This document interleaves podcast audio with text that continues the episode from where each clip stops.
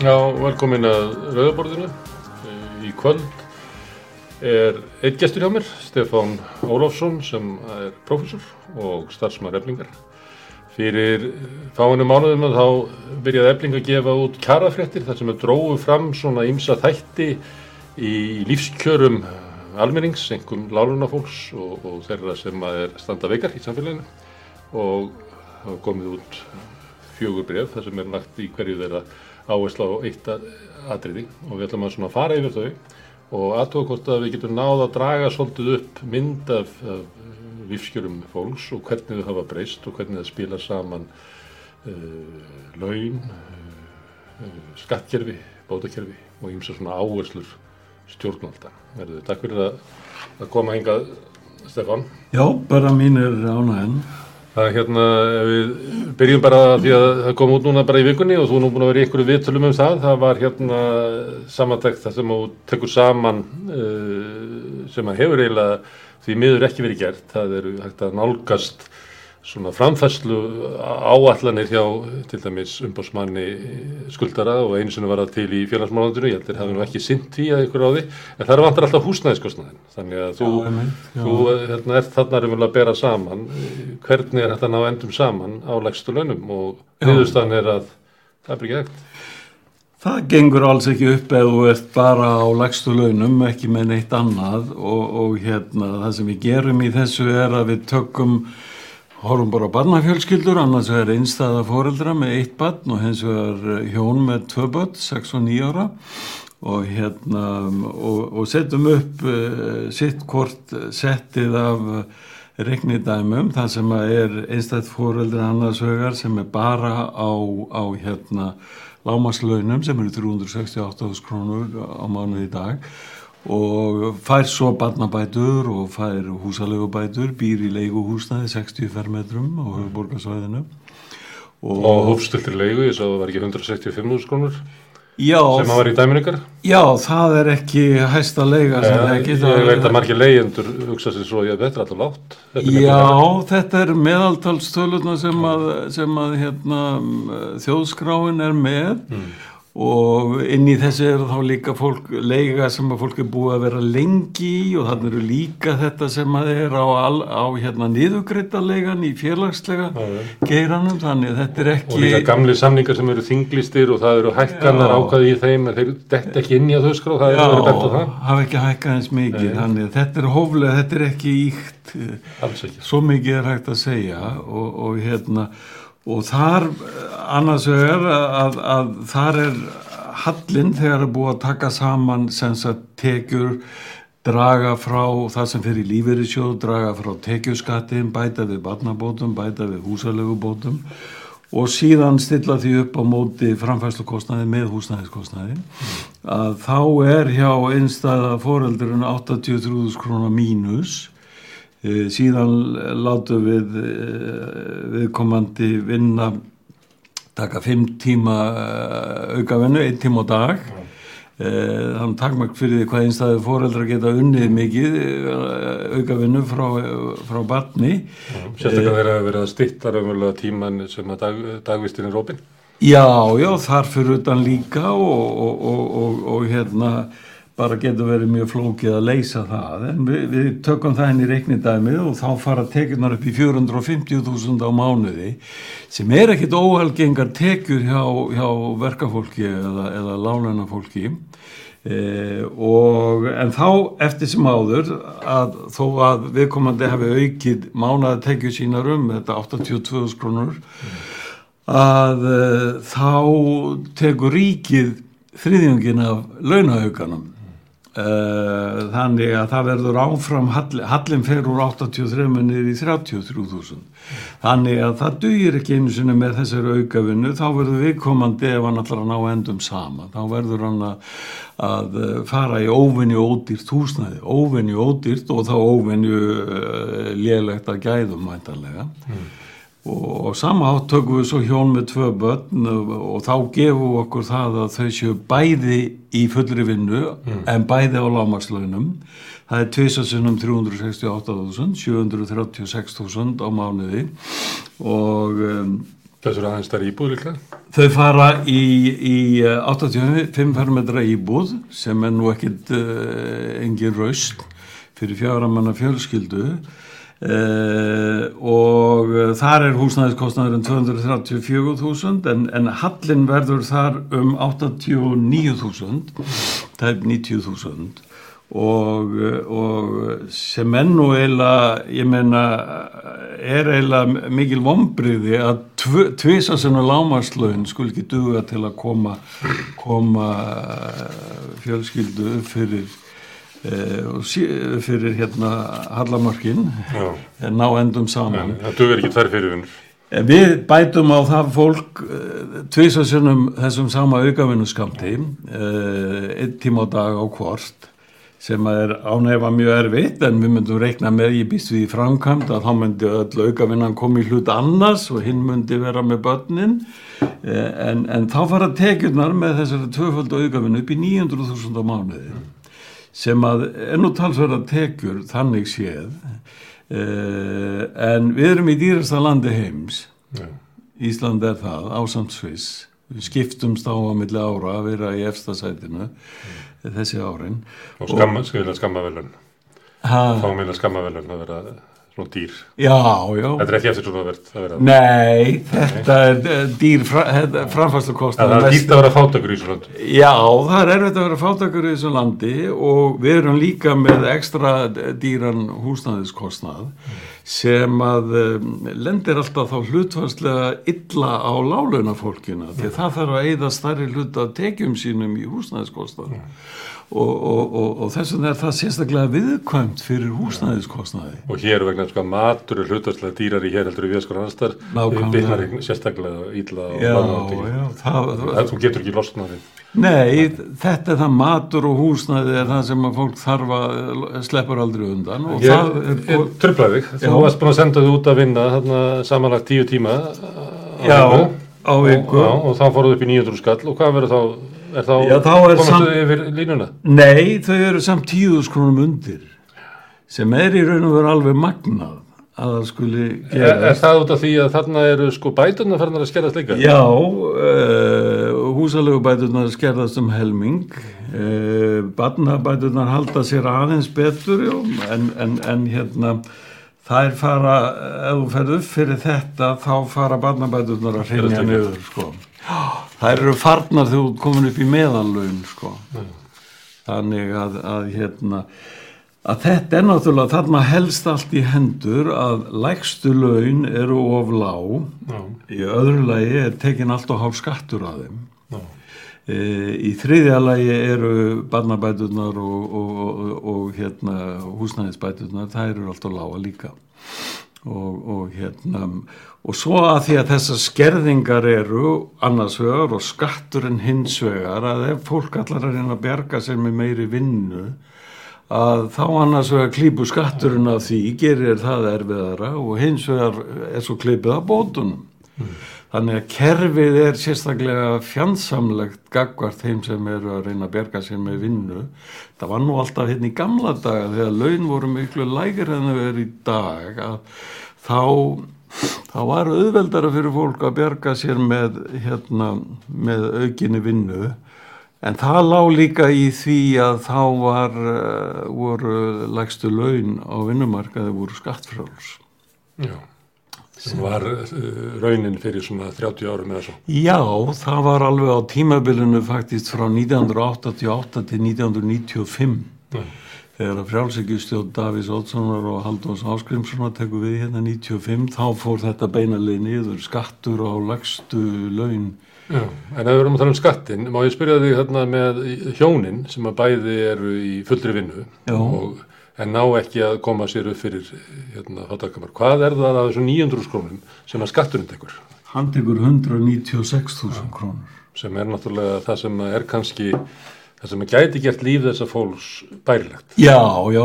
Þau, þau ættu fyrir mat allan tíman og þau ættu þarna eitthvað því að hérna framfærslu viðmiðunin er mjög þröng. Já, já, hún er ekki með neitt luxur sko og, og hérna þau myndu ná endum saman og gætu hugsanlega með aðhaldi lagt eitthvað aðeins fyrir þannig að þau gætu eitt vonum að komast einhver tíman í húsnæði geta haft útborgunar hlutan í því. Um, En síðan er það bætunar að hvað þær byrja að, að, að skerðast eh, fljótt að þá eins og barnabætunar þá eru þetta raunverulega ekki eh, og ég er ekki komið þá kannski inn í það sem að þú byrjaðar á fjallum sem voru barnabætunar þá fannst mér það að koma fram að, að þetta er ekki stuðningur við börn. Þetta er ekki stuðningur við fólk eða barnafjölskyldur á þessu tímabilæfinar lengur. Heldur er þetta eh, ég veit ekki hvað þetta kalla, kannski stuðningur við, við hérna, vinnumarkaðin til að geta haldið launum svona langt niður. Þetta er stuðningur bara til þeirra sem er á allra lægstu launum. Já, þetta er svona eða hálgerð fátakra aðstóð sko, ekki það sem eins og, eins og menn yfirleitt líta á nútíma velferðaríki, norröna velferðaríkin að þá sértu með það sem mannréttindamál sko, að það sé, séð fyrir uh, lámas framfærslu kostnaði faktist sko, en, en, en, þetta sé ekki ölmusa til fátakra heldur bara trygging, lífskjara trygging sem að fólk á rétt á eins og þetta er með barnabætuna þá náttúrulega þá fær fólk þær meðan það er með ung börn en greiðir svo hærri skatta og setni hluta starfsæfinar í staðin þannig að það borgar þær tilbaka. En, en hér er alltaf eh, sko þessi hugsun að sem að er mjög ríkt að íta inn í, í almannatryggingakerfi bæði með þessum skerðingum og eins með því að eins og þetta til dæmis með barnabætuna það byrja að skerða þær við sömu upphæðu lámaslaun sko. þannig að þú þart að vera með lámaslaun til að fá fulla bætur en, en leðu þú ferð upp fyrir það þá er ferð að skerða þig sko. En var hugsunni þannig á Íslandi einhvern tímann að þetta var svona tilfærsla innan æfiskeiðsins þar sem að þú férst barnabætur uh, þegar þú varst ungur og, og, með barnafjörskjutur og svo hérna borgar þar auðvörlega síðar í hluta æfinar þegar barnin er vera heima þá lækka ekki skatt, skatturinn og heldur áfram að borga en ferði ekki bætur. En netto skatturinn hækkar þegar barnabætuna fara. Var þetta eitthvað tíma svona? Eða náðu við aldrei að búa þetta kerfi til almenlega og, og þess vegna var kannski svo auðvelt að láta það hörna og, og fjara út? Það er alveg hárið, þetta er mjög góð spurning að þetta var nefnilega aldrei þannig frá byrjun. Þegar almannatryggingalögin eru sett 1946 þá var fyrirmyndin uh, lögjöf Beveridge frá Breitlandu. Hún var svo að öll börni að fá þessa sömu uppað, lámas uppað og, og, og svo eh, borgast það tilbaka á senni hluta æfinar, starfsæfinar. og með svona hugmyndum að það sé bara þjóðaslega hagkvæmt það sé þjóðaslega hagkvæmt að já. styðja öll börn því að við fáum Já, bara já. heilbriðari uh, fólk út úr því og Já, já, og það er bara, þetta er sá tímið sem að er erfiðastur í framfæslu fjölskyldna þegar að fjölskyldan er verið að stofna fjölskylduna, eignast börn og koma sér upp húsnaði, að þetta er svona tilfæsla á milli bara tímabila á lífslöpunu og, og er bara skinsamlegt að dreifa, þú ert ekki að gefa neinum neitt, þú ert bara að dreifa byrðinni yfir, yfir starfsæmina betur. En Íslandingu fannst það ekki alveg skynsam Nei, og það var sett inn að kröfu sjálfstæðisflokksins var það sett inn að það voru ekki greita barnabætur með fyrsta, öðru og þriðja barni, það voru greita barnabætur með fjórða og fymta barni á þeim tíma. Og, og hérna þetta eh, var síðan farið að greiða með öllum börnum eftir 1960 þá var það gert að kröfu alþjóðflokksins sem var í viðristastjóðinu með sjálfstæðisflokknum. Og það þótti mikið framfara skref en, en, en flestar Európa-þjóður tóku hinn að Norðurlanda-þjóðuna tóku barnabætu fyrir öll börn strax frá byrjun og og hafa ekki eðilagt að kerfi, ekki, ekki öll land Nei, nei, Danir eru þeir eini sem skerða þær svona með að við tekjur og þeir byrja að skerða þær við 1,3 miljónur á mánuði sko, þeir, þeir skerða bara úr þá allra ríkustu sko, en við byrjum að skerða við lámaslöun, þannig að við erum alveg sér á báti í, í þessu, það, það er, og það kom fram, ef ég maður rétt í sagt, útæktinu þinni á, með barnabætunar að með því að hafa þær svona veikar að þá ná þær ekki raunverulega að það sem að ég veit ekki hvernig að var það, það sem að gerist er að, að það eru of, of lágar tekjur. En það sem að verður að það verður hópar til dæmis einstara fóreldra og barnafjölskyldur sitir sérstaklega eftir. Þannig að, að hérna þetta er ekki bara spurningum hérna að, að, að, að sko, muna fólki eftir tekjum heldur leiðir veikt bótakerfið eða, eða endurgriðslu kerfið út úr skattinum til þess að hópar eins og einstæði foreldrar og svo náttúrulega saman húsnæðisbætunar, leyendur standa eða sérstaklega illa. Já, það gerir það og, og hérna það uh, þetta er í raun og veru, ég veit ekki alveg hvernig maður á að lýsa þessu, þetta er svo að mörguleiti svo, svo undarlega virkni í þessu kerfi og, og, og hérna og bara eins og þetta sem ég nefndi áðan að þegar þú reynir að bjarga þér með meiri vinnu þá vinnur allt kerfi gegn þér og mótið þér, þú, þú ert alltaf upp brekku sko. Mm í staðis að það sé tekið í áratna með þér sko. Og þetta er eiginlega það sem að vantar alltaf þessa hugsun. Og mér hefur fundist þetta raunari líka bara að koma fram, hafa verið viðhorfið sko frá sjálfstæðifloknum hefur alltaf verið viðhorfið þetta að það var að spara útgjöld í, í þessi velferðarmál og, annars nennir fólk ekki að vinna eða bæturnar eru og vörlátar og allt þetta sem að e, hefur aldrei verið neitt fótu fyrir því að, því að sko það hefur verið mjög stert vinnu viðhorf á Íslandi alla tíð og er enn að, að fólk vil bara geta bjarga sér sjálft og, og allt það. En mér finnst þetta líka að hafa þetta viðhorf að, að hafa aldrei aksefterað sko almannatryggingar sem þessi lífskjara tryggingar sem það er eiga að vera með, sem, sem bara mannréttindi en ekki ölmusa að bara í bóta hugtakinu sko, að, að kalla þetta barnabætur, vakstabætur húsalegu bætur það er eins og sé verið að bæta þetta, þetta er eins og ölmusugjöfin sko að auðvitað þetta heita bara barna auki eða barna laun eða já þetta er til að uh, greiða börnunum fyrir að vera eins indisleg og þau eru og allt það. Börnum eigi vinna þannig að við borguðum bara laun. Við borguðum bara laun, já, já það, það verður miklu eðlilegra og, og, og húsnæðis uh, auki eða húsnæðis laun eða hvað hva sem það væri. Þetta verður miklu eðlilegri hugtök og, og hérna og uh, þessi hugtök sem að fest við og eins í almannatryggingunum að líferinn heitir bætur mm. örorku bætur og elli, líf, elli líferisbætur og, mm. eða elli bætur og allt þetta mm. að, að Þetta gerir það mjög flókið að tala um þetta að maður reyna að segja eftir laun og eftir launa fólk og þess að reyna að byrja að vitna til tryggingastofnuna þá kom alltaf sko lífeyrir og lífeyrinsbætur og þetta þá já, já, já, já. en þetta er, er svolítið mikil galli á, á, á þessu umhverfi og, og við höfum aldrei farið að þessu leiti alla leið inn í þetta norræna velferðaríki ég gerði mikla stúdíu á Íslenska velferðaríkinu sem var byrst í bók sem kom út 1999 hérna Íslenska leiðin mm og það bar ég saman Ísland við önnur vestræn velferðaríki mm. og þar var nú mjög afgerandi útkoma svo að þó við værum í grunninn svona með norrönd velferðaríki að þá værum við að víkja frá því í verulegu mæli sérstaklega hvað snerti þetta með með uh, mikla, mikið hlutverk skerðinga sem er eiginlega enginni á engilsaksnesku velferðaríkjónum bandaríska Breska, Íska, Kanada, Ástralíu og Nýja Sjáland mm. sem er allt svona veikari velferðaríki og nýskari, bæturnar eru ekki eins og örlátar og, og þær eru skertar stíft út eins og hér. Við erum með þau enginni en þetta er ekki enginni á norrannu velferðaríkjan og skandinavísku.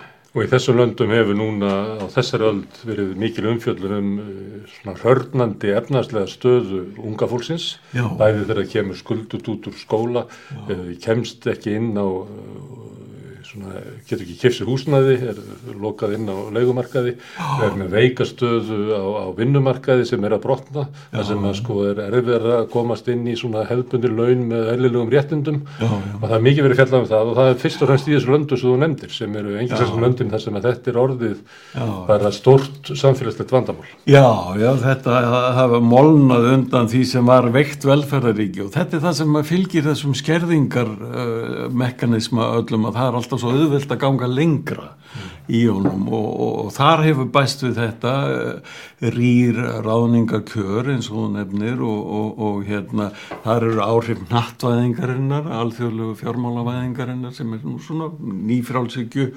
pólitík að stopni til. Þau eru meiri akkurat í þessum engisæsnarsku löndum heldur en í öðrum vestrænunum löndum. eh, hvort sem eru á meilandi Európu eða á, á Norðurlöndunum. Og, og, og eh, þess vegna erum við farin líka að sjá þessar útkomur að yngri kynnslóðin uh, í dag, hún á ekki sömu möguleika á ná þeim lífskjörum sem fóreldur þeirra höfðu. Og, og bara ef maður hugsaður um það sko þessi lönd er öll ríkari en þau voru á tíð foreldrana en það sem er búið að vera að gera síðan er að, að, að uh, yfirstjettin sem efsta 1% eftir 10% er allstaðar að taka stærri hluta af þjóðarframistunni þjóðartekjanum til sín. Og þá er einfallega minna eftir til hinna og og alþjóðavæðingin trekkir svo áfram þennan samkeppnismekanisma og, og, og hérna og harkstörfin og, og alþjóðlega samkeppni sko, menn senda vestmiðurna til Asju og Suður Ameríku eh, eh, annars vegar og hins vegar taka rótira vinnuhafliðinn líka sko. Og, og hérna Og kakvað ungu fólki þá er allt í komið með fóröldrakynsluðina í bara mjög veika fjárhastlega stöðu og þar lendi börnin alveg upp á heimilum sem að ja, er bara hörðu lífsbarða, þar sem að fólk sér ekki framtíð. Ég, ég, það, er svona nýverið sem að maður byrja að heyra það í ungu fólki í samtölum við það, það er að tala um að það er ekki efna á já, já, Það sjá til hvort það getur setna, að við þurfum að fara yfir þennan hjalla og fleira áður fyrir að hugsa um það. Já, Ég er hérna svo gammal að ég ólst upp Íslandi þar sem að var svona hugmyndum um sko mikinn vöxt, þannig að það hugsuðu allir um að sko framtíðin myndi svona sjá fyrir okkur. Já. Það er svolítið breyting hugafarsins þegar kemur um að þú missir trúna á því að framtíðin muni sko færa þér Já. betri stöðu. Það er. Það er, algjörlega framandi hugsun fyrir mína kynsluð. Ég man það bara þegar ég var að velja mér háskólanám upp á 1970 að, að hérna, þá var náttúrulega ríkjandi þannig viðhóri í samfélaginu að maður ætti ekki endilega að vera hugsa um að vera að gera eitthvað óbúslega gaglegt sko, að vera verkfræðingur eða, eða, eða viðskiptafræðingur sko, og, það veri bara alveg óhætt að velja sér eitthvað, ég valdi mig félagsfræði sko, og hérna, og ég hafði ekki hinnar minnstu áhyggjur að ég fengi ekki vinnu og get ekki borga námslánum tilbaka eh, eða neitt slíkt. Ég bara hafði ekki hérna minnstu áhyggjur að því og þannig var það bara, maður sá það allt í kringu það voru allir á leiðinu upp. Eh, það var hagvöxtur sem var að skila sér í betri lífskjörum til almennings, fólks úr, úr lægstu stjættum og hérna úr þannig að, að, að menn gáttu stólað á þetta. Þetta er ekki, ekki í sama mæli í dag. Hérna, eitt kærabriðið fjallaði um, um vakstabætur og þó að sko hið veika barnabótakerfi hafi laskast að þá hefur eiginlega orðið meiri hörnun í, í vakstabótakerfinu sem er líka svona kynnslóðastuðningur, það hefur verið að styðja fólk á þeim tíma sem er að koma sér húsnaði þó svo að með kannski fara að deilum það þegar hérna lánin eru til 40 ára og, húsnaði svo dýrt að þetta er eiginlega, fólk er alltaf æfin að borga þetta með við Já, já. fórsetu sem er umverulega í dag Já. en, en vakstabótakerfið, það hefur mjög látið á sig. Já, það er sá partur af þessu tilfæslukerfi eh, heimilana, barnabætur, vakstabætur, leigubætur, að það er sá partur sem að hefur hnignað örast og það er aldrei dramatíst því að þegar að uh, ríkistjótt sjálfstæðisflokks og framsvögnarflokks lagði niður félagslega húsnæðiskerfið árið 1999 félagslega húsnæðiskerfið var það sem leifiði uh, lægri tekjuhópum að geta gaf þeim kosta að eignast húsnæði og var með uh, vaksta kostnaður en þar var niðugreitur og uh, beint og en, en þegar að þetta kerfi er lagt niður virkaði mjög vel en það var alltaf treyji á því hjá stjórnvöldum að fjármagnaða nóg og byggu til alltaf ítrekka aftur og aftur vanda að því að þeir fjármögnuðu þetta ekki nægilega vel. En þetta er lagt niður sem sagt og, og, ákveða að taka stefninni átt að meiri markasvæðingu húsnæðislánana sem var svo gengið alla leið eftir yngavæðingu bankana og 2004 var það komið alla leið. En þegar þetta er lagt niður þá var því lofað að vakstabóta kerfið kæmi í staðin það myndi niðugreiða húsnæðiskostnaði þeirra sem að e, veru með lægri tekjur þeirra sem að um, eru nýri á markaði eiga minna í húsnæðinu e, og, og yngri niðurgristan sem að var á vöxtum í byggingasjóði verkamanna. Já, þetta, átti, þetta kom átt að koma í staðin og það gæti alveg virkað og virkaði alveg ágætlega þannig en, en strax eftir um, þannig kringum 2004 þá fer uh, ríkistjórnin að skera þetta niður og fram að hruni síðan Í góðarinu. í góðherrinu og þegar að þá er einmitt þegar að bankarnir eru komnir inn í húsnæðislánin þá, þá Þá. Já, algjörlega. Þá, þá kom mikil verðbóla alveg fram að hruni faktist og þeir lánuðu bara meira og lánuðu til lengri tíma, skuldsettu fólki meira. Eh, en kerfið, vakstabóta kerfið sem átti að leta fólki í skuldabyrðina, það er tekið niður samhliða vinstri stjórnin sem tók við eftir hrun þegar að hérna, uh, skuldabyrðin af húsnæðislánunum var óbærileg eftir, eftir gríðarlega kjara skerðingu og verðbólgu, 20% verðbólgu sem fleitti uh, afborgununum upp úr öllu valdi. Að þá þrefaldaði eða, eða tæplega það uh, hérna vinstri-stjórnin uh, vakstabóta kerfið uh, þrefaldaði útgjöldin í það næstu því og, og hérna og það var um tíma þannig að vakstabæturnar greittu uh, um 45% af vakstakostnaði lálunafólks þeirra sem voru í lægri, lægri hópanum. Þannig að það var umtalsverð niðugreðsla á að vísu mjög háum vakstakostnaði sem var þá orðin en um þetta munaði sko. En alveg frá 2013 eh, 2012 faktist að vinstri stjórnin hafi sett sko sérstakar vakstabóta auka sem að rann svo út 2012 sko. Þannig að, að hérna sem að var nú óþarfi að gera og, og of snemt sko af því að fólk var ekki komið út úr vandanum eh, þá og, hérna en, en ríkistjóðin sem tók við hún let þetta svo fara bara eh, beina leið niður alveg ár frá ári rýrnuðu vakstabætunar og eru orðnar bara mjög ómerkið. Það er innan við 1 miljardur sem ferðið er á ári í dag. Þetta var um 11 miljardar sem fór í vakstabætur um, 2010-11 sko. Þannig að almenningur hefur borgað leðréttinguna svo kalluðu, svo voru 72 miljardar sem að fóru til þess að, að hérna, bæta fólki falla á fjö inn í húsnæðisköpum, raunverulega borgaða markvallt með skertum vakstabátum. Algjörlega, algjörlega og það sem að ríkistjórnin bauð upp á móti og hæli sér stundum af, sérstaklega fjármálar á þeirra núverandi, að, að fólki hafi gefist kostur á því að nýta sérregnarspartnar, skattfrjáls sem að byrjaði á því í, leiðréttingunni sko. Og svo var það framlengt og, og, og það er núna aðal húsnæði stuðningur stjórnvalda til þeirra sem eru að basla við að eignast húsnæði. Að fólk geti tekið lífeyrispartna, sérregnarspartnaðin sinn og, og fengið að einhverju hluta hann skattfrálsan en þá er málið þannig að, að láta ekki fólk á miklu síður sérregnarspartnað þegar að hérna, ellin kemur.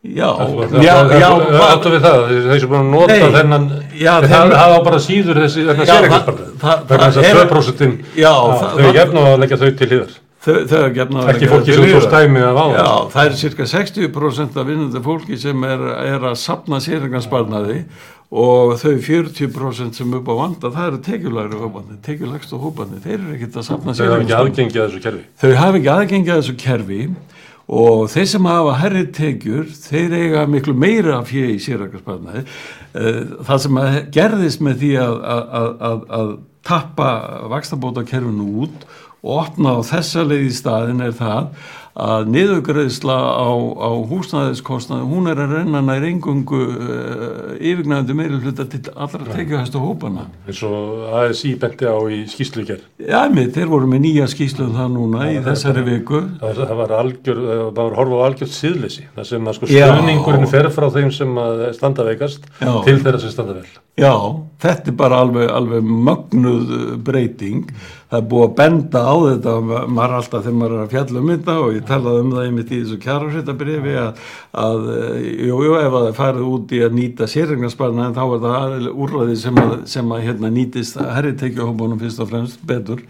En, en ASI kom með tölunar um þetta, svart og hvítu og, og þetta er mjög ljót, ljótur leikur að, að, að gera að því að þetta fólk sem er í stjórnmálunum og stendur á bakvið þetta, ég held að það mikið að þið átti sig ekki einu sinni á því hvað, hvað var verið að gera. hvað voru að samþykja Nei, ég hugsa að það sé þannig en það myndu öruglega ekki treysta sér til að verja þetta sko þetta er samt megið kerfið í, í húsnæðstunni Já, það er það núna og hérna þannig að það er að vísu eh, ASI gerði þessa kröfum að fá stoppframlög í að byggja ódýrar leigu íbúður fyrir mjög tekjulátt fólk. Um, en uh, og, og, og það var nú gefin út leifi fyrir 600 íbúðum á árið eitthvað svoleiði sko sem að bara og það er nú gefin nema helmingur af því verið byggður sko og þetta er bara náttúrulega fyrir lítinn minni hluta hóp og mjög, með mjög lágar tekjur og, og bara gott að blessa sem slíkt. En bara dögir hverki til að mæta þeirri þörf sem er og kemur enga megin í staðin fyrir þann stuðning sem er í vakstabótakerfinu Ég, ég miskildið aðeins á þann og Guðvöku Bergson sagði ekkert um hann að miskilningu var upp að alls skilningsi það er út af það sem sagt en eh, þegar að, að hérna, þér er bóðið upp á það að taka sérregnarsparnaðin og leggja hann í húsnæðið Já, þá er náttúrulega, myndi maður rekna með því að þeir sem að standa allra best þurfi ekki á því halda því þeir eiga bara fyrir húsnæðin og þú veist, þeir sem að þá eru að tala um kannski 20% hérna, best setta fólkið. Já, já. Uh, þau sem að 40% sem að þú nefndir að þau borga ekki hérna, sérgnarsparnaðin og, og, og þar leðandi þegar kemur inn á hérna, eftir launa aldurinn að þá eru þau raunverulega með hlutfastlega lagari Já, já. eftir laun heldur en einir og ofan á það að, að, að það er náttúrulega gert ráð fyrir þú fáir 72% ef ég maður rétt af, af launanum tilbaka sem eftir laun og ef þú ert til þess fólki sem þú ert að lýsa þarna það á bara ekki eh, það lifir ekki af 100% hvað þá 72% en svo þarna inni verður til svona millihópur sem að frista til þess að skerða eftirlaunin sín Já, já, með því að leggja það inn í húsnæði já, já. Þannig að það, það má vera að eftir einhver ár, kannski ára tíu, þá fyrir við að sjá einhver svona merki af því að þetta kerfi íti líka undir sko stjættaskiptingu á eftirlunaldri. Já, já, það mun gera það og það er sko, þeir sem að munu hérna, sko já, já, þetta mun ekki telja enni, það, það búið að vera alveg sko frá því leiðrætingi byrjaði, þá er búið að vera að tappa af sérregnarsparnaði og, og, og hérna og uh, þó að það snerti ekki hátekjuhópana þá, þá getur þetta orðið alveg högg fyrir millitekjuhópana. uh, ég held að það geti vel verið alvarlegt og þeir eru ekkit of sælir að þeim lífeyrisréttindum sem þeir hafa og, og, og menn mættu kannski hafa það líka í huga að þegar að er nú alltaf annars slæði verið að tala um þetta að við séum með besta lífeyriskerfi í heimi. Partur af það og það er reiknidæmi sem að gengur út frá því að reikna hverju lofar kerfið fólki sem er að byrja á vinnumarkað í dag eftir 40-45 ár hvað mann það fá í hlutfalla laununum, ævilaununum eðalævilaununum inn í þá reikninga er alltaf gert ráðfyrir af fólk sem er sérregnarsparna líka. Þetta eru bara reiknidæmi sko. Og, og hérna það mun ekki skila sér. Dæmi á ekki við 40% sem er ekki með sérhansparna. Nei, á alls ekki við um þau og e, síðan er núna eh, yfir vofandi að það er verið að færa niður réttindi í lífeyrissjóðunum vegna þess að það getur fyrir að fólk lifi lengur Já, sem er nú aðalega herri stjettirna sem lifa lengur. Þá erum við að komin á hérna, fjórðabrifinu sem við eftir að og, og það er náttúrulega þar dregur við fram hennan svona stjættarmun sem að er varandi lífeyrisréttindi. Já, sem að því miður höfum við bara ekki nógu góð gögnir í ég, ég hafði áhuga þessu fyrir einhverjum árum síðan og reyndi að finna útrússu og gætt fundið að, að svíjarnir til dæmis eru með svona betri stjættagreiningu í hagstofu upplýsingum og hafa, hafa fjallað um þetta og þá ég man alveg hvað það, slóma þegar maður sá það að, að, að lífslíkurnar á, á þeim sem að voru held ég hefði nú bara verið fjórðungur það verið 25% þeirra sem hafðu það lagast með við þá 25% sem hafðu það best já, að það voru nýju ár í einni rannsókninni. Já, og það er ekkert, það hefur aldrei verið hugsað út í þetta í umræðum um lífriðsréttindi hvað hérna erfiðisvinnu fólkið og látökju fólkið sem er slitið af erfiðri vinnu og hérna, afkomu kvíða og, og sem að felst í því að búa við þær aðstöða sem hún lístir henni upp af því þetta er aldrei ald, þetta er eiginlega aldrei á borðunum. Ég, en, þú, en þú dróst fram að hluta til að þeim upplýsingum hægt er að ganga að hér. Já, dróst þetta fram í, í kjarabrefi þrjú. Já, já þar, þar, þar erum við að útlista það hvernig þetta kemur misjaflega við stjettirnar og við höfum upplýsingar um um ævilíkur eða meðalævi lengt fólks eftir mentahópum sem að nálgast svona þessi stjetta áhrif að verka fólk hættir oft fyrir í, í, í sko- hefur, hefur skemmri skólagöngu og, og, og hérna og, og, fer þar með þar að lendi í þessa eh, lægri mentahópa þannig að það, það er svona ákveðin vísir í þá átt sko. En og staða þeirra í lífeyriskerfunu er þá þannig að, að þeir sem hætta fyrir skóla fara fyrir út á vinnumarkað byrja fyrir að greiða í lífeyrissjóði og, og ef að þeir fara á lífeyri eins og aðrir að meðaltali segjum 67 ára að þá er staðan þeirra svo að þeir lifa skemur heldur en millistjættafólkið og herristjættafólkið það er þannig meira út að gera minna út að gera fær þar lendi minni, það, það borgar inn í lífeyrissjóðana í lengri tíma en fær lífeyrin í skemmri tíma. Og þetta er bara beinn halli á, á milli stjætta, það er svona samskonar halli á milli kynjana því konur lifa lengur en kallar en á þessu verður mest í munur á milli háskólamentaðara kvenna og, og grunnskólamentaðara hérna, eða bara verka karla að þar getur sko munurinn og ævilengd á Íslandi er, er, er, er mestur á milli þeirra hópa og, og, og þeir í áttina sjö árum sko. Eh, en á milli eh, hérna verkafólks og, og, og háskólafólks er það svona jafnaði innan við fimm ár samt. Það er, en það er tölverð það er, það er ég alveg vil lofa því að þú ert 85 ára og vilt fá þessi 5 ár. Já, já, já, þetta er bara, þetta er stórt atriði, hagsmuna atriði og svo þegar þú allar að fara að, að, að hérna, að, að skrifa niður réttindin í lífeyri sjóðunum, mm. Rýra þau, að þá ertu að, uh, og, og, og þá er það gert eins og það er gert núna áforma að gera það í lífeyri sjóðunum að, að uh, það getur ráð fyrir að allir lifi eh, lengur sem nefnur meðaltalinu. En verkafólkið er ekki mikið að auka ævilengdina.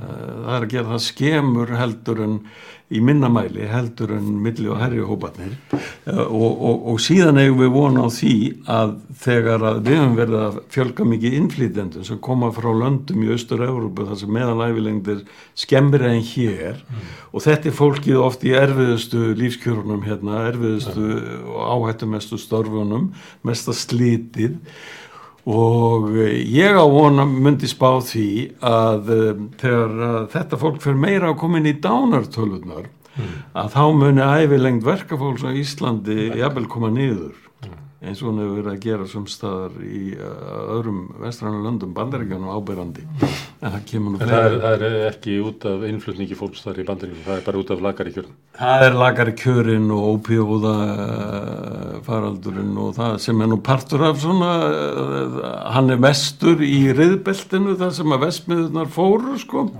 Og fólki situr eftir aðurlust og vonlust þar er það vest þar sko. En uh, þessi umræða um svona stjættamun eða, eða já, mentamun en ég reikna með að, Hagstofan gæti setti þetta upp í sko svona raunverulegri stjættamun Já, um, uh, þetta er ekki til umræðu þegar að vera að ræða um lífyrirsökkerfið í Íslandi en maður heyrir það, ég mann til dæmis heldur verið fyrir síðustu kostingar eða það síðustu sem að sósjaldemokratandi í Danmarku voru að leggja til lækkun á eftirlauna tökku erfiðsunu fólks já. Þannig að einhver staðar er verið að ræða þetta og lita á sem vandamál. Já, Danir eru faktisk, það var sett í lög, tók gildi núna fyrsta janúar á þessu ári að, að, að einmitt komið til móts við erfiðisvinnu fólk út af þessum halla gagvært hagsmunum þeirra í lífeyriskerfunum. Og þeir útfæra þetta þannig að þeir, þeir, þeir spurja því hvað hefur fólk verið lengi á uh, vinnumarkaði þegar það hefur náð 61 árs aldrinum Já. og uh, ef að fólk hefur verið 44 ár menn gera venjulega ráð fyrir að fullur sko, Það er 17 ára starfsferðin aldri. sé 40 ár í lífeyriskerfunum Þetta er þetta eitthvað sem við byrjaði að vinna 17 ára já, til dæmi, akkurat Það uh, er svið mig, ég hérna, Já. hætti skóla þá Já. Ég byrjaði að vinna nýjóra en það er alltaf já, það var nú oft gert hérna áður Já, fyrr en, en ef þeir hafa verið í 44 ár þegar þeir eru orðin 61 árs þá með þeir fara þremur árum fyrr á lífeyri í almannatryggingu og ef þeir hafa verið í 43 þá er það eh, þá dregst eitt ár frá þannig þannig komið til móts við þetta og þetta skila sér til uh, lálunahópana meira og verka fólks, erfiðisvinna Og fólks er umræða sem að verður eiginlega vera á sama tíma og, og kannski þeir sem að hafa verið í þægilegri vinnu eru að krefist þess að fá að vinna lengur. Já. Það, það, er, það, er, það er ekki fallegt ef, ef að svo umræða raunverulega dekkar eiginlega alla umræðum um lífeyrisaldur. Já, og það sem að ríkisjóðnin sko, er náttúrulega verið að lofa blessuðum eldri borgarunum sko fyrir hverja kostningar sko að það er eitthvað að draga úr skerðingunum sko og svo var það emt núna með því að, að uh, hækka frítekjumarki einungi skakvat atvinnutekjunum. Og það er þá fyrir þá sem að uh, og bara það er nú til tölur um það að það nýtist fyrst og fremst tekju herri hópunum, tekju hæstu hópunum uh, svona milli hópum kannski aðalega sem að geta unni og koma úr þægilegra vinnu um hverfi og, og, og, og hérna bú ekki við þessi þetta líkamlega slít og annað sem að verka fólk er meira se- sett undir. Þannig að, að það er, er bara það, það, það er svona fríðindi sem að býður betur settu fólki möguleika á því að vera á fullum lífeyri og hafa, hafa meiri tekjur af atvinnu þáttöku sko. Hvað, hérna, ertu að ákvæða hvað kemur næst? Er, ertu þetta plan? Er, ertu, Já, já, við erum með sko, við erum með einn uh, þrjú kjarafréttabrifi eða fjögur í pípunum, við munum taka sennilega næst fyrir verðlægið, mm. dýrasta landi í heimi og svo ætlum við að taka, uh, taka tekjur eftirlauna fólks, hvað fólk er, það að er ólíkur hópur þar. Kem- Kemur það þá fram hversu ólíkt þeir standa? já, já, við Það er mjög tökum, nöðsvægt að fá slikt inn í umræðu. Já, ég held sko fólk, fólk hérna almennt átti sig ekki á því hvað eh, eldri, fólk sem er komið á eftirlaun í dag hvað það er í raun og veru að fá mikið frá lífeyrissjóðunum það er alltaf við erum með, hérna, með bestu lífeyrissjóði í heimi og, og, og þar hefur allt gengið mjög vel öll ávöxtun og annað sko en, en um, uh, meðal eftirlauna þegin í dag hann er rétt að fá rúmlega 200.000 krónur á mánuði úr lífeyrissjóðum öllum lífeyrissjóðum sem hann borgaði samanlagt. Ég held að fólk viti þetta ekki. Ég held að flestir haldi að, þeir, að þetta sé miklu herra og, og hérna þetta þýðir líka það að það eru margir með minna en þetta og, Og konur kemur fram hérna vegna þess að það er un, unnu minna já, já og, og það var hérna áður en, áður en að dagvistarkerfið er byggt upp og svona þá, Já, já. þá hérna, já, skertu starfsferill heitir það. já, þekki allir þess að mömmu sem er nýraði núna, hún er að fá eitthvað rétt um 100 óskronur, út úr, hún hefur unnið alla sína hundsugata tíð eins og já, þetta já, já, Hún er með 100 óskronur út úr. já, já. En hún er náttúrulega orðin fertug þegar kerfið er eiginlega að koma. Jú, jú, hún, hún fyrsti áratugurinn í kerfinu var misefnaður sko í ávöxtun en, en, en hérna og svo var ekki greiti yfir gjöld af heldalun, þetta Já, bara grunnlunum fram til 1990 en, en þetta er, er sko og, og svo, svo fær fólk eitthvað á móti að meðaltali um 140.000 viðbúta frá almannatryggingum þannig að, að, að um, þetta er bara hérna þetta eru bara ótrúlega lélegur lífeyri í besta lífeyriskerfi í heimi eða á að rísundi því nafni sko. Þannig að við ætlum að útlista þetta tíu þúsundar sem eru raunverulega já, eh, við svona einhverja fátakra mörg. já, ég var að alveg bara að lifa í bölvuðu harki sko, alveg, hið áhyggjulausa ævikvöld sem að var lofað að þessum tilöfnum Eh, það er bara fyrir, já, fyrir vel fyrir þriðjunga af eftirluna fólki sem er í dag það er ekki áhyggjulaust sko. Það er bara þannig. Og við sínum þetta líka eftir tekjuhópum sko. Það, það er fullt af fólki sem er með sko á aðra miljón og lífur í sjóðum líka sko.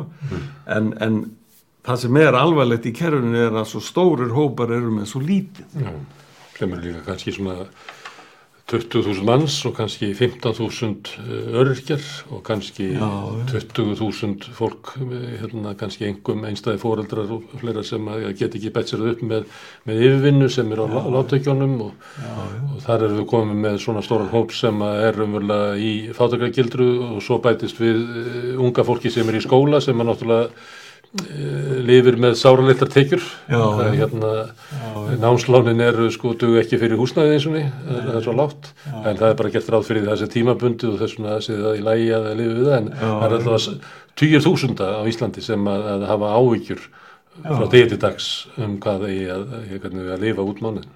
Algjörlega og þetta segir okkur náttúrulega það að okkar velferðarkerfi er uh, að mörguleitu ótrúlega gödótt sko. það, það, það sinnir þeim þörfum sem að það var hugsað til að sinna ekki næri nógu vel ekki næri nógu vel og Þá kemur spurningin, af hverju er þetta svona? Eru við bara vanþróa samfélag? Eru, hérna, eru auðvaldið sterkari hjá okkur heldur í öðrum samfélagum? Er eh, almenningur ekki nógu vel skipulaður? Uh, Já, sko uh, því ég nefndi það nú áðan að þegar að lögin um almanatrygginga voru sett 1946 þá, þá var það uh, krafan kom frá sjálfstæðisfloknum um að, um að spara útgjöldin, þetta er svo dýrt. Mm. þeir höfðu gengist inn á að lofa alþjóðfloknum það að það er sett hér lögjöfum að fá hér almanatryggingakerfi sem að var í epp gott og það besta sem þekktist í heiminum á þeim tíma. En síðan kemur sjálfstæðisflokkurinn og vil finna sparnaðarlegir, þetta er við allt og dýrt. Og það eru skerðingarnar og takmarkanarnar og, og, og, hérna, og það hefur verið e, messa sjálfstæðismanna og markmið alla tíð í kringum þetta kerfi. Að, að, að halda aftur á útgjöldunum og, og svo þegar að frjálsækjan kemur hér með upp úr 1990 að að hérna þá er búið að forma hana þessa nýðuskurðastefnu og þessa, þetta, þessar bremsur gagvart velferðarkerfunum sem var nú svona partur af kjarnanum í stórt atriði í nýfrálsökjuna alla tíð. Þannig að, að menn hafa gengið á lægið með að, að um, beita uh, alls konar bröðum til að, að hafa grunninn í kerfinu of lágan, mm. láta hann ekki halda yfir launa þróun og svona og svo er það skerðingarna náttúrulega og, og, og bara ef við tökum bara sem dæmi að, að tilfæslu kerfi til heimilana sem er þetta barnabæturnar, vakstabætur og húsalegubætur það var miklu meira sett í þetta 1988 og, og alveg til 1995 svipa og var með skattkerfi skattkerfi var miklu hagstæðar á þeim tíma.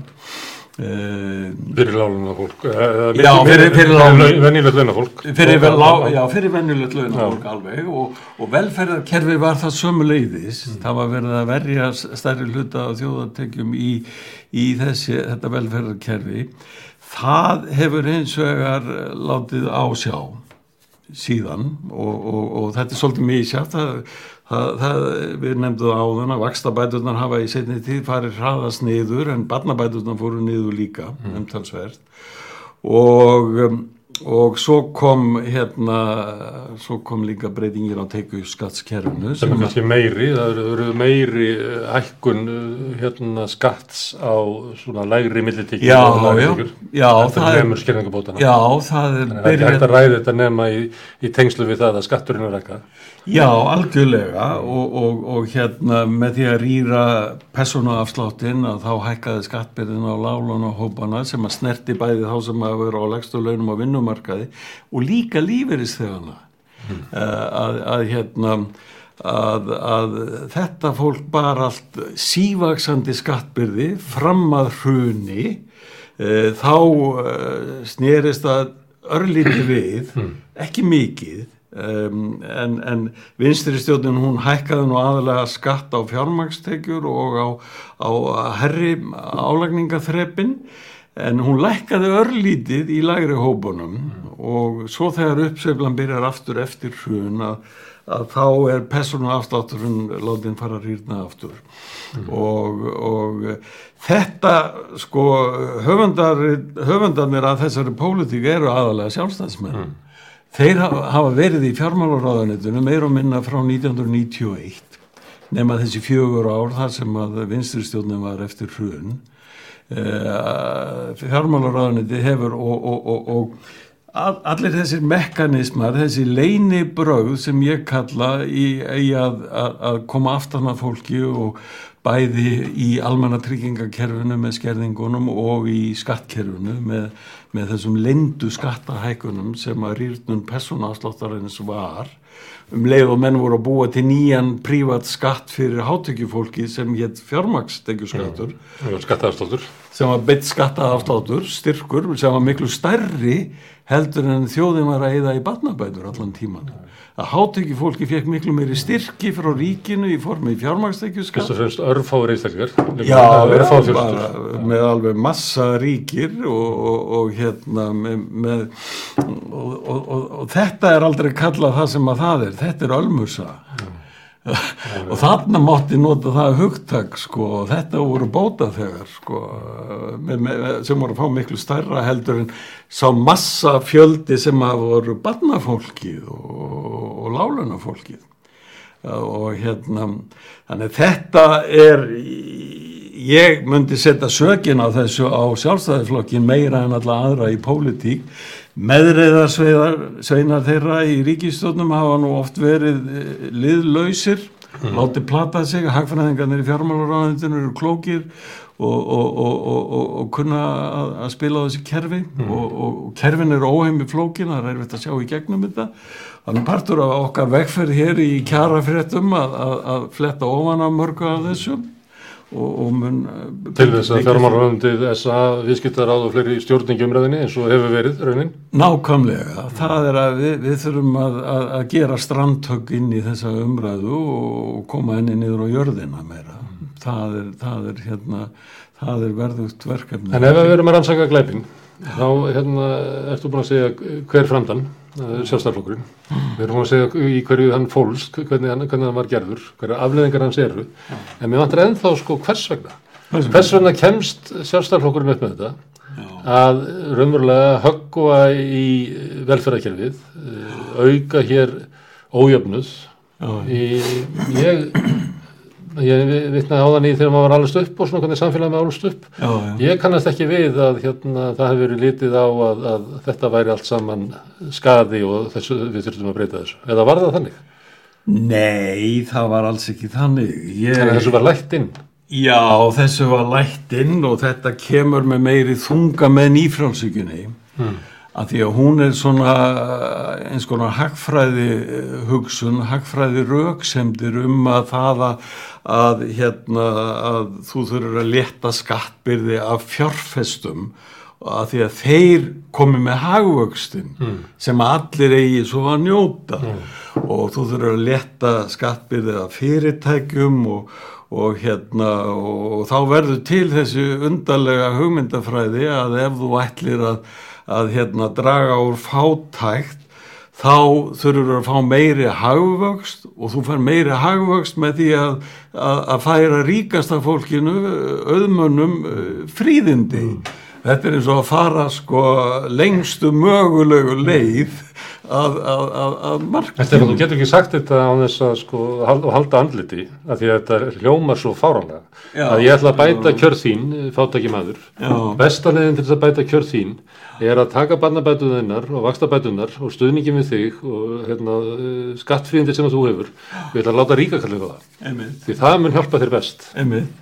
Þetta voru Hvernig Já, þetta voru rökin, þau voru kannski ekki orðuð alveg svona, en þau voru orðuð þannig að, að það, var tekið hér sem bara sjálfsagt mál, sko, skattur og fyrirtæki var lækkaður úr 50% sem að var í kringum 1990 niður í, í hvað fór hann lækst þegar í aðdraganda hrunsins, var það ekki komið niður í 12%, eða 12 eða 15 þá- og þá að verða keppa við Írland sem að var með Fjármast skatturinn fór niður í 10 og, og, hann- 10. og fyrirtækjaskatturinn átt að fara niður í 10 ég held að hafi verið í Já. 12,5 þegar það Já, þegar, já, kannski ekki allavega, já, og, og hérna, en, en fjármagstekjur skatturinn, 10% álagning á það, að- það var eitt aðlægsta sem þekktist, það voru einstakar lönd aðalega í Östur-Európu sem voru ekki með neitt fjármagstekjur skatt, sko, en, en, en hérna, og fleiri skattar, það var eignar skattur að vera aflæður og, og Já, er það, er það Erfðafjárskatturinn fjárskatturinn, þetta voru bara pólitík sem gekk út á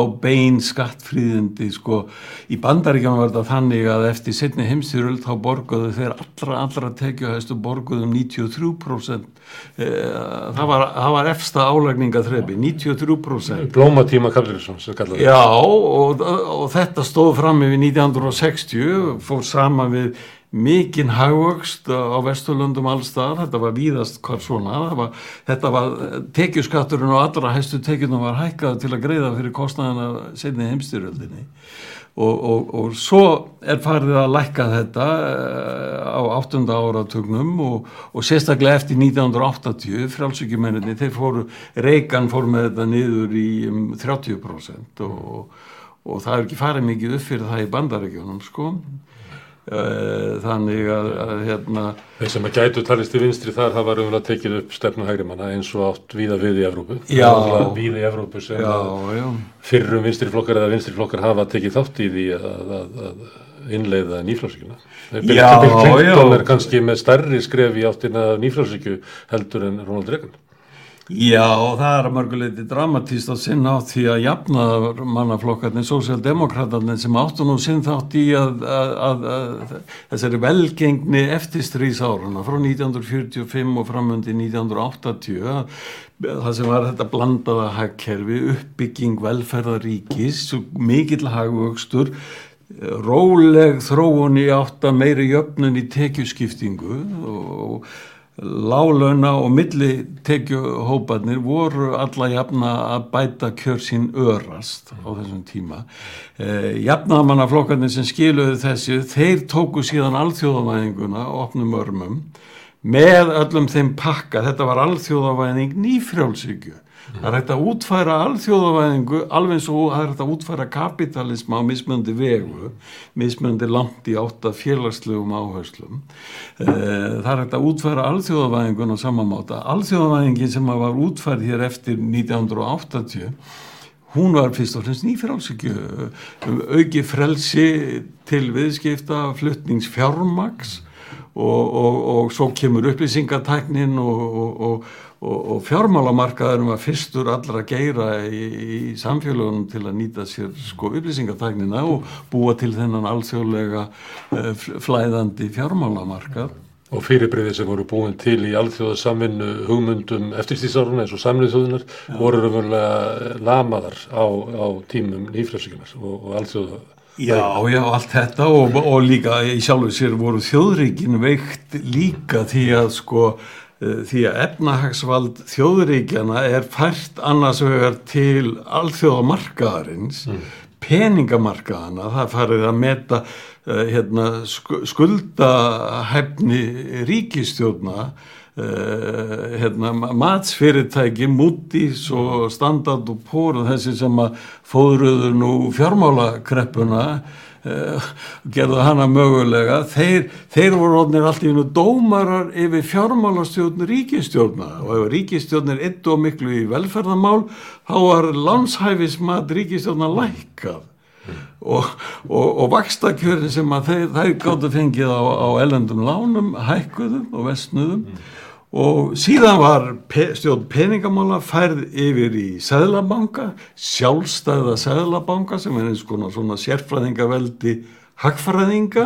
Fólk sem er sérmentað í nýfrásíkju sem að satar. Já já ég menna svo hagfræði sem að yfirleiti stjórnað eftir er nú eiginlega mótuð mörguleiti út frá uh, hagsmunum og sjónamiðum hérna fjárfesta og atvinnureikenda ríkustu já oft á tíðum er það nú þannig. Fyrir hrun þá varst þú einn af þeim sem að voru varst að fjalla um nýfrásíkju og, og svona gaggrinn á því. Og þú ég þekki náttúrulega ekki alveg þinn fyrir sem hérna félagsfræðings en svona á síðari árum að þá hefur við mikið tilverið að skoða uh, svona hluti. Um, um aukna aukin ójöfnuð og nú út bókum það og um, um svona hluti. Og svo ertu allt í einu orðin starfsmaður eblingar uh, hérna, hafa rannsórið þínar gert þig róttekari eða, eða það er nú stundum menn geta verið að rannsaka alls konar hluti og menn halda svona temmilegri fjarlag frá því já, og það eru margir sko fræðimenn sem hafa verið að velta þessu fyrir sig sko hvað berður mér ekki að gera kannski eitthvað, bregðast eitthvað við er, er, er, er það að þú sést starfsmæður eblingar, háskólaprofessor sem ættir að hafa það bara ágætt í háskólanum þú þarfst ekki að, vera auka vinnu nei, nei, nei. er það afleðing af rannsmæðinu? Já sko allan minn eh, bæði náms og starfsferil þá, þá eh, fókuseraði ég allar tíð á velferðamál og vinnumál, mm. atvinnumál og hérna og ég sagði nú snemma uppgötta það nú snemma bara fyrir sjálfa mig að þessi viðfánsefni þau eiga ekki bara heima í einni fræðigreini. Að það er ekki þannig að efnaðasmálinni heima í hagfræðinni, stjórnmálinni heima í stjórnmálafræðinni og, og samfélagsgerðinni í félagsfræðinni. Þetta vinnur allt saman, spilar allt saman og hérna, pólitíka fyrir áhrif á efnaðasmál, pólitíka fyrir áhrif á lífskjör og, og, og hérna þannig ég hef alltaf farið yfir öll landamæri í fræðigreinum Uh, og lesið jöfnum höndum sko félagsfræði, stjórnmálafræði og hagfræði. Mm. og ég sóti kursa í þessu öllu, öllu í mínu námi og var mjög heppin að eiga goða kosti á því svona góðum gæðum sem að buðist í því. En sko að því að þú spyrðum svona hlutleysi og, og, og það allt að sko það er ákveðin sko mórall í háskóla umkörunu sem er þessi hlutleysis mórall og ég var félagsvísindamaður ráðinn í háskólanum 1980 og þá var uh, litið mjög nýður á félagsvísindi sem svona annarsflokksvísindi, alvöruvísindi voru raunvísindin sko og hagfræðin gæti eila verið nála þeim sko. þóttist vera það. Þóttist vera það. nota alfræðafræðin þótt að umfyrsefni vera annað. Notaði meira starffræði og svona en, en hérna þannig að við sem vorum í því að byggja upp þessi félagsvísindi við Háskóla Íslands við þurftum að, að, að bregða okkur mjög í þetta hlutlausa form. Og ég var nú til dæmis stopnaði félagsvísindastofnun með öðrum og fyrsti fórstöðum aður hennar frá 1984-5 í 13 ár og, og við vorum svona að reyna að sína hlið á félagsvísundum sem að svo að þau getur gert gagn í þjóðfélaginu. Mm. Þau getur aflað upplýsinga, gert kannanir og úttektir og, og við hefðum... Verkfæri. Já, væri alvöru, alvöru, hérna, alvöru nýtsamleg fræði og þannig að við legum mjög mikið hlutleys og þegar við vorum að gera kannanir þá var maður alltaf að reyna að passa að orða spurningarnar í konunum þannig að það verður ekki leiðandi og allt þetta. Og, og þetta er aldrei ríkt sko hjá okkur háskólamönnum, ég er reyndar hættur í háskólamönnum núna þannig að ég ekki tala meir um þetta kannski. Að hérna að það er ákveðin feimni við að segja það sem er óþægilegt fyrir valdhafanna mm. það er bara þannig og ég fór á þessu tímabili þegar að ég var að horfa á það sem var að gerast hér á nýfjörálsíkjur tímanum að, að uh, ójöfnunum var að aukast þetta bæði fyrir tilstilli sko þess sem var að gerast í fjármálageranum og í skattkerfinu.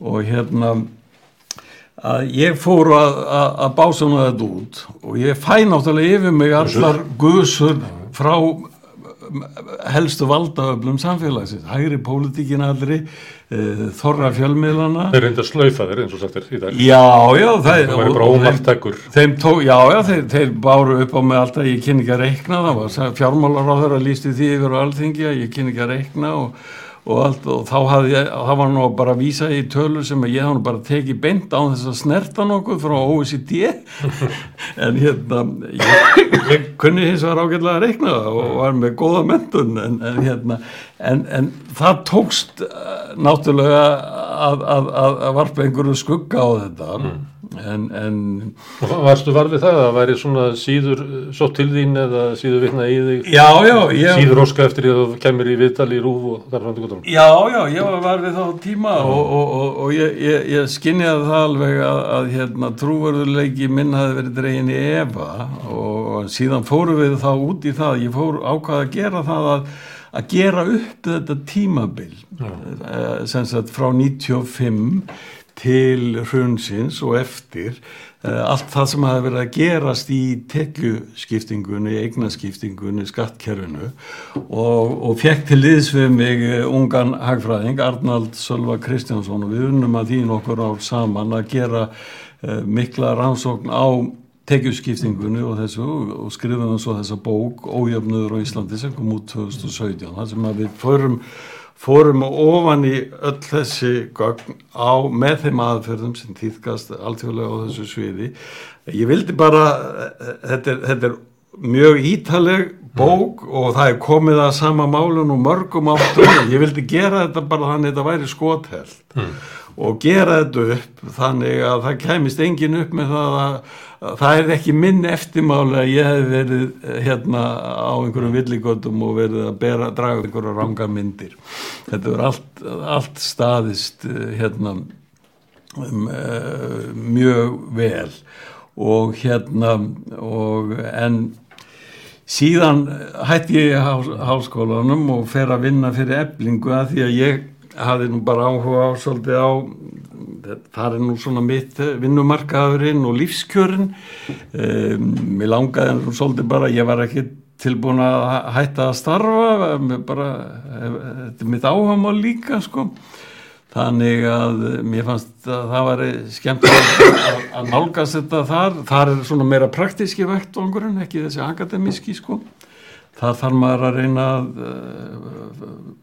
gera gagn fyrir umbjóðundur sko eða félagsmenn stjætafélagsins og, og hérna þannig ég vildi leggja mitt að mörgum inn í það og, og þær breytingar sem þar voru að gerast og, og fannst það svona eftir þess að getur verið skemmtilegur hlik, svona skemmtileg hliðarleið á starfsferlinum Má ég spyrja þig sem svona gestakomandi í verkarsreifingunni, hvernig finnst þér hún búin í svona baráttunni? Við höfum komið að því hérna hvað ráðuneytið, samtök aðtunlýfsins viðskiptaráð geta verið sterk í áraðstriðinu. Hvernig finnst þér verkarsreifingi svona búin undir stjættátökinn? Sko, ef maður lítur yfir sko langtíma þróunina á Íslandi að þá höfum við verið með veika vinstri pólitík. Það er einnkjent í Ísland alla 20. aldina og enn í dag. Eh, Skandinavísku löndin voru með sterka vinstri pólitík, sósjaldemokratíska pólitík. Við vorum það aldrei. Eh, á móti höfðu við sterka verkefliðshefingu frá því tiltöla frá, bara frá millistrís árunum. Við erum orðin alvöru, alvöru tól hér og gatt farið að hafa áhrif á, á lífskjör launafólks. Um, ég hef stundum sagt að, að ef að við hefum ekki haft þessa sterku verkefliðshefingu þá væri íslenska velferðarkerfið meir og minna eins og það ameríska, bandariska. Þannig að ég tel að verkefliðsefingin hafi sko skila mjög miklu í því að, að lífskjör á Íslandi eru þrátt fyrir allt að mörguleiti góð og, og ójöfnuður. Þegar við tökum frá þetta frjálsíkju tímabil sko er, er svona í minni mæli. Og hann er aðalega, það er aðalega vegna þess að, að ef þú horfir á atvinnutekjur áður og farin að telja áhrif af sköttum og velferðarkerfinu að þá eru atvinnutekjur á Íslandi með því jafnara mm. sem við sjáum í heiminum og það er verk, verkefliðshefingarinnar síðan koma fjármakstekjur þær búa til rosalega ójöfnu þær fara fyrst og fremst í allra hæstu, hæstu hérna hópana og, og hérna þannig að, að verkefliðshefingin hún eh, hefur skilað mjög miklum árangri fyrir launafólk þó að þá er þetta horfað til langs tíma Já, ég já. myndi þrengja þá og spurja svona verkefliðsefingin á nýfrálsku tímanum Já, verkefliðsefingin á nýfrálsöki tímanum, hún stimplaði sér svolítið út eftir að þjóðarsáttin var gerð. Það var mjög hörðu verkefliðsbaráta hérna til dæmis á milli 1960 og 1990, ní- 85 kannski. Áttundi áratugur er mikil, mikil átök á almennum markaði, Jú, níundi jú. áratugur er mikil, mikil átök á opibramarkaðum. Já, sérstaklega ofinbera þá, já, og, og hérna eftir að þjóðarsáttin er gerð að um, þá uh, hérna kúplar verkefliðsefingi sitt aldrei út, fannst mér og, og, og hérna þar er hún komin inn á þessa leið að það er bara að hækka kaupi lítið og vera með rauðstrik og endurskoðun eftir á og, og, og, og, og þeir, þeir grípað aldrei þessa hugmyndafræði að minna er meira sem er svolítið hættulegt í kjarabaróttu sko. Og hérna og mér fannst verkalýsefingin í raun og veru bregðast á nýfjörnarsykju tímanum frá svona 1995 og fram fram að hrunu og ég Yfir hrun og, kvartaði yfir hérna, hvernig verkefliðsefingin var í rauninu og eftir árunum. Það Já, að verja já. lífyris sjóðina og voru með alls konar svona já og hún var líka sko bæði lit verkalýsefingin þessar breytingar sem voru á skattkerfum hún lit alveg fram sér fara lit platast upp úr skónum með það og þau náðu að vísu eins og 97 var þokkalega hækkun á lægstu launum og, og svona en, en, en almennt fannst mér verkalýsefingin missa af, af, af uh, ske, hún skilaði ekki því mikilvæga aðhaldi sem þurfti á nýfrjálfsingju tímanum eftir hrun þá er verkefliðsefingin mjög sein til að fara í upprýsta það sem enkendi á, á, á átakatímanum á milli 60 og 85 var að það komur stundum þessar stóru kjaraskerðingar í kjölfar gengisfellinga verkefliðsefingi kom alltaf einu orði setna og sótti það tilbaka. En það er ekkit fyrir en sko í raun og veru í kjarasamningunum 2015 sem er farið að sækja eitthvað alvöru fram. En þá er það gert sko í kjölfar læknaverkvals það sem voru 30% kaupækun kom. Og í kjölfar þess að kjara dómur hafði skilað embættismönnum 30-40% af hækunum Þannig að verkefliðsefingin, hún í raun og veru, hún var ekinn til að gera alvöru launakröfur hann 2015. um, umbreytingin sem er í núna í verkefliðsefingunni, átökin, það Já. fer ekki þetta á milli mála og þú eru auðvitað tekið eftir því setjað inn á skrifstofin á eflingu. Þau eru verið skilgreind að einhver leiti sem uh, svona afleðing af, af búsaldabildingunni, af þessu ástandi sem þú ert að hérna lýsa, að verkefliðsefingin hafi svo, sofið árið á undan og ekki ekki gert nóg eftir hunnið ekki raunlega fundið nóg til með fólki eftir, eftir hunnið og það eru Ragnar Þór, Solveig Anna og fleiri eru raunverulega personur úr búsaldabittingunni. Já, já, já. Er þetta, er þetta holdbreyting, finnst þér? Já, þetta bara grundvalda breyting tel ég sem að var með þessum, þessari nýju verkefliðsfórustu þá er, er í raun og veru sko vaknar einhver vitund um það að það þurfa að beita verkefliðsengunum miklu meira heldur en hefði verið gert alveg á áratugin á undan sko og rúmlega það, jafnvel tvo áratugin á undan. Og, og hérna og farið að taka á úrræðum að, að hérna, ég man það nú bara þegar við vorum að undirbúa lífskjærasamningin 2019 og við vorum mikið að vinna í því ég og Sólvei Anna að, að útfæra tilögur um skattabreitingar og ég reyfaði það við einn af eldri fórustumönnunum í reyfingunni á einu stíi að við varum með svona metnaðum að, að, að fá svona 20 skrónar skattalækun fyrir látökjufólk og ég vissi ekki hvert hann ætlaði að fara sko, hann ætlaði bara niður úr gólum þetta er svo dýrt, þetta er bara alveg stjartfræðilegt við fengum 10.000 krónur. Við vildum fá 20 einhvern tíman í fyndinni þá bað fólk um 8. vinnudag og þótti djart. Já. það var einhvern tíman á miðri þar síðstöld eða upp úr miðri þar síðstöld Já, en já, já. þurfa náttúrulega að þóra að bera fram kröfur. Já, það er nú það sem það, það er grundvaldradriðið og, og hérna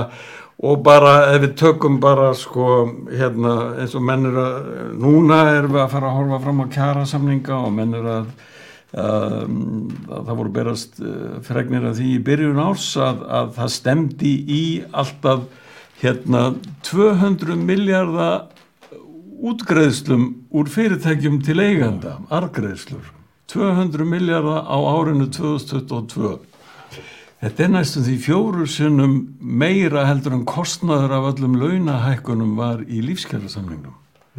Fjóru sinnum meira. Þetta er það sem fer þá bara til uh, yfirstjættar annars vegar og svo lífur í sjóða eitthvað og, og hérna og alla menn svo að segja er, það er ekki sögum til að hækka laun Þegar, þetta miklu peningar eru þarna fljótandi og, og, og það er víðar peningar heldur en í, í, í, í, í skráðum fyrirtækjum sem að greiða út arð sko, það er miklu víðar peningar en það. Þannig að hérna það sem að launa fólki fekk út úr þessum samningum er umverulega lítið í samanbörði við það sem að, að eigendur fyrirtækjana og tvímælalist við, þurfum, við, við, við getum bara mar, afmarka þann hóp við eigandu sjávarótusfyrirtækjana sko. bara það sem að þeir fengu í aukna, eigna aukningu eftir hrun sko, það gengi var orðið lágt og, og hefur skilað sér til þeirra annars vegar í mikill aukningu eigna inn í fyrirtækjum og hins vegar í mjög mikill argreislu En það- við erum að tala um endur nýjan verkefnsreiningarnar og við erum búin að fara svolítið yfir, eða þú ert búin að fara yfir hérna, það breytingar sem eru úr samfélaginu frá svona 95 Já. fram, fram að raunni. Svo nefndur áðan að, að það hefði tekið alveg frá 2008 til 2015 að sko verkefnsreiningi kemur fram og myndi við sótt á kjaraskerðingu sem var eftir að við erum með svona pínlega hólu hér sem var leiðrið 2015. En hólan sem er hér, sem er eiginlega all, allur nýfrálskjötíminn, erum við að fara að horfa upp á með endur nýjaðri verkefnisreiningu um átök um að, að almenningur endur heimti það sem að var flutt frá almenningi til hérna hérna auðugri, til eins prósessins, eru þetta kannski já, svona megin átökin í Íslandu samfélagi já, næstu 10-15 ári Já, þannig séu ég það. Það þarf að endur heimta sko skattkerfi sem er miklu sangjarnara, var miklu sangjarnara, við þurfum að endur heimta það, við þurfum líka að endur heimta velferðarkerfið uh, og við þurfum líka að laga lífeyriskerfið. Og hérna og uh, Þannig að ég lít á það þannig að verkefnið er ekki bara að trekja upp laun sko, það er að mörguleiti meira að sækja í gegnum endurbætt skattkerfi og velferðarkerfi.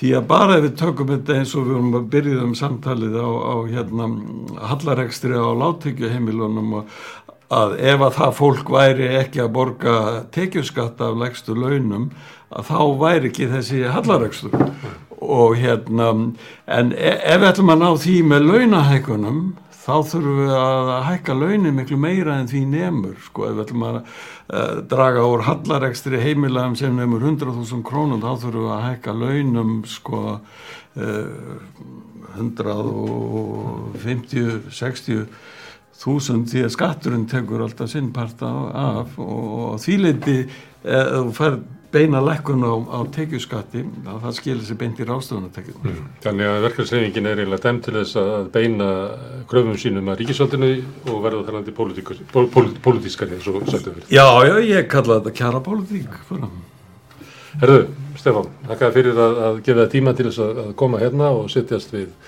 við rauðaborðið. Ég þakka hlustundum sem að hafa hlýtt á. Ég hvet ykkur til þess að, að, að læka þennan þátt og læka síður samstöðuna bæði á YouTube og Facebook. Kíkinn á, á heimasíðu samstöðunar, samstöðun.is. Þar getið þið gert félagar í alþjóðufélaginu sem er fjárhastlugu bakkjart dasgránir hérna. En annars bara þakka ykkur kjálað fyrir að, að hlýða á. Takk fyrir.